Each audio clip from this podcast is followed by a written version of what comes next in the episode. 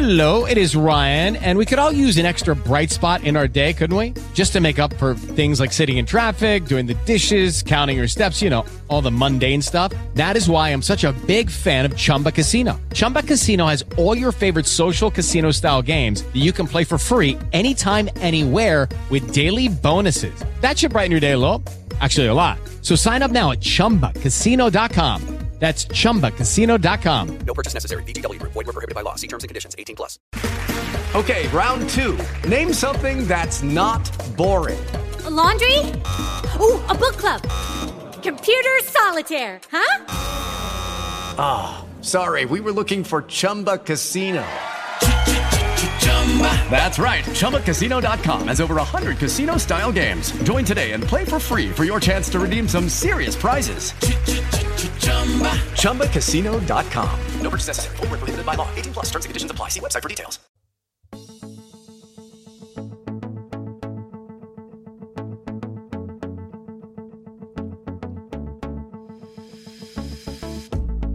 Hola i benvinguts al podcast de l'Aula Creativa Virtual. El meu nom és Paulino García i en aquest eh, nou capítol parlarem de la creativitat. Una de les capacitats humanes més valuoses, ja que ens permet eh, expressar-nos, somiar, transformar la realitat i bé, volia fer en aquest capítol una reflexió de com hauríem d'intentar fomentar el treball de la creativitat en els més petits.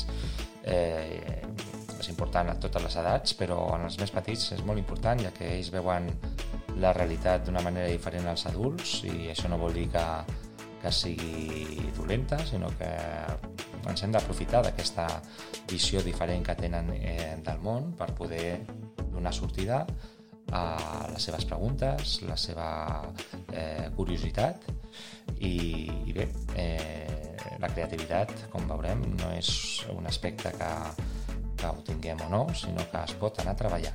Per tant, aquest capítol va destinat a parlar d'això, la creativitat. Ens acompanyeu? Recordo que qualsevol comentari, qualsevol suggerència relacionada amb el podcast la podeu fer a través de les nostres xarxes socials de Facebook, Twitter i Instagram. Seran ben rebudes i les, les, farem, les donarem a conèixer a través dels propers capítols del nostre podcast.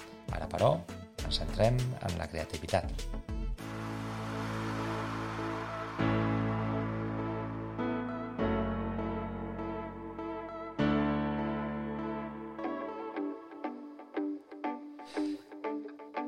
Doncs bé, com hem comentat en la introducció d'aquest capítol, la creativitat és una de les capacitats humanes més valuoses que ens permet expressar-nos, somiar i transformar la realitat.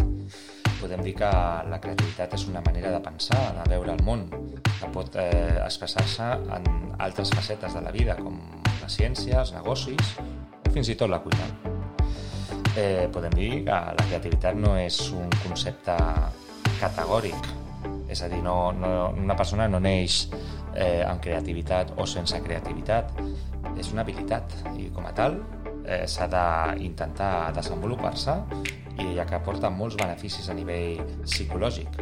Podem dir que les persones eh, que fomenten o que treballen eh, la seva creativitat són persones que eh, són més flexibles i adaptables al món són capaces de, de mirar la realitat des d'una perspectiva més àmplia i per això eh, crec que és important també que sigui fomentada des de ben, des de ben petit. No?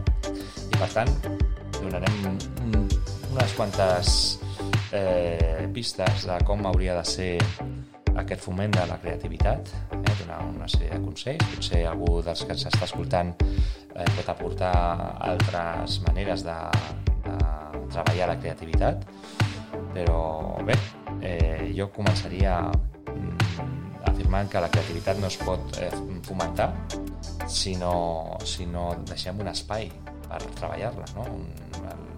Aquest, aquest, aquest espai eh, pot ser casual, no? que el nen trobi un espai, per exemple, com dèiem l'altre dia en l'anterior capítol per llegir, no? no cal que sigui en, en, un, en un pupitre o en una taula, sinó que potser ells mateixos troben un lloc més, més imaginatiu on, on donar eh, sortir de la seva imaginació. I per tant eh, el nen ha de trobar, una nena ha de trobar aquesta, aquesta activitat de forma natural per despertar la seva curiositat, la seva passió i animar-la o animar-lo a, a fer-ho de, de manera lliure, que no sigui que no sigui imposada, no? perquè si no mm, no aconseguirem l'objectiu. Per tant, el joc lliure també és una manera de, de conèixer, descobrir i, i assegurar-se de trobar espais perquè puguin desenvolupar-lo doncs, eh, seria un primer repte. No? Que si no ho poden fer per ells mateixos, doncs donar-los un cop de mà. De la mateixa manera, quan estan treballant eh, la seva sa més creativa, doncs, eh, tractar de corregir les seves accions com a primera opció doncs, no seria la, la forma més, més idònia, ja que també han d'aprendre de les seves errades, investigar, veure si aquella opció que han triat doncs, és, eh, els ajuda a assolir els seus objectius o si per una altra banda doncs, han, han descobert eh, sense cap ajuda doncs, allò que volien descobrir. Això també eh, els hi pot ajudar a, a millorar la seva autoestima i sobretot també els hi pot eh, eh, donar més confiança per investigar i seguir fent eh, activitats creatives. Així doncs, també eh, un dels altres aspectes que pot ajudar a que els nostres eh, nens i nenes des de ben petits doncs, tinguin interès per desenvolupar la seva creativitat és mostrar també interès sobre el que estan fent. Eh, si ens mostrem interessats sobre el que fan, sobre, eh, fent-li preguntes, escoltar les seves explicacions, doncs eh, podrem eh, eh, fer que el seu treball, la seva, la seva recerca sigui eh, més interessant no? i tinguin una, una, una imatge seva més positiva i els, els permeti estar més orgullosos d'ells mateixos. Per tant, eh, eh, s'ha d'animar-lo o animar-los a, a assumir l'error com una part d'aquest procés creatiu i, no, i que no es sentin com eh, frustrats a la, prim a la primera de canvi per no assolir els, el, les respostes esperades. No? Eh, aquesta impulsivitat que, que de vegades tenen els més petits, no? d'intentar eh, trobar la solució eh, en el primer intent, doncs hem d'intentar donar-li aquest recolzament positiu per eh, intentar vetllar perquè continuïn investigant, continuïn eh, fent activitats creatives. Per tant, si escoltem amb atenció els seus dubtes i, i fem que els nens siguin partíceps d'aquesta recerca, eh, la resposta sempre, sempre serà molt més, molt més productiva, no? I, per tant, els hem d'animar a pensar, a expressar la seva opinió al respecte i, i sobretot a, també a, a intentar buscar informacions fiables d'aquesta informació. No? Una de les, de les competències més importants a nivell de primària és la, la competència digital i no només es tracta de trobar eh, informació i enganxar-la, diguéssim, com si fos un còpia i pega d'un document de text, sinó que facin ells la seva pròpia eh, reflexió, el seu propi aprenentatge. Per tant, si fomentem la creativitat a partir de l'autoestima, es podran aconseguir molts resultats molt més bons i eficients. Per tant, si fomentem eh, també doncs, demanar opinions sobre assumptes quotidians i tenir-los tenir en compte, eh, si estem a prop de, del, seu, del seu procés d'assaig-error, d'aprenentatge, doncs eh, tot això eh, farà que tinguin més ganes de, de treballar i d'intentar eh, buscar respostes cada vegada d'una manera més autònoma i eficient.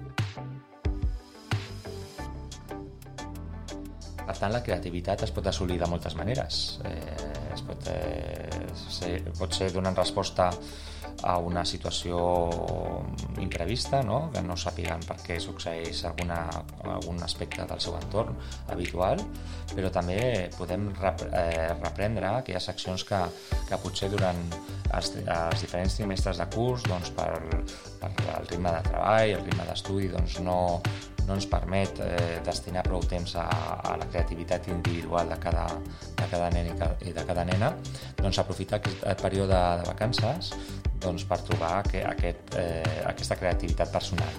Cada nen és diferent, cada nen eh, i nena doncs, tenen interessos diferents i per tant cal conèixer-los bé per eh, saber adequar les activitats que, que fomentaran en ells la seva, la seva creativitat i, i que faran eh, assolir els objectius individuals sense l'ajuda gairebé d'un adult que tinguin al costat.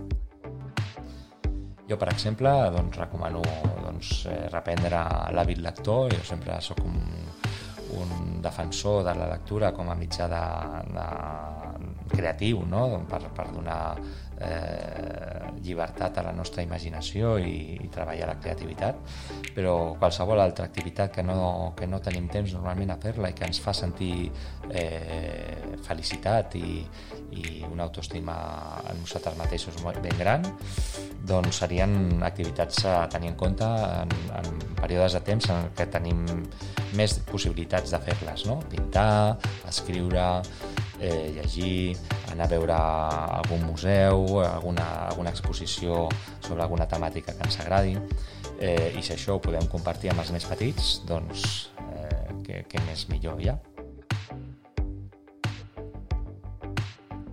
Per tant, no ens oblidem mai de fomentar el nostre, la nostra creativitat i la nostra imaginació, sigui el moment que sigui.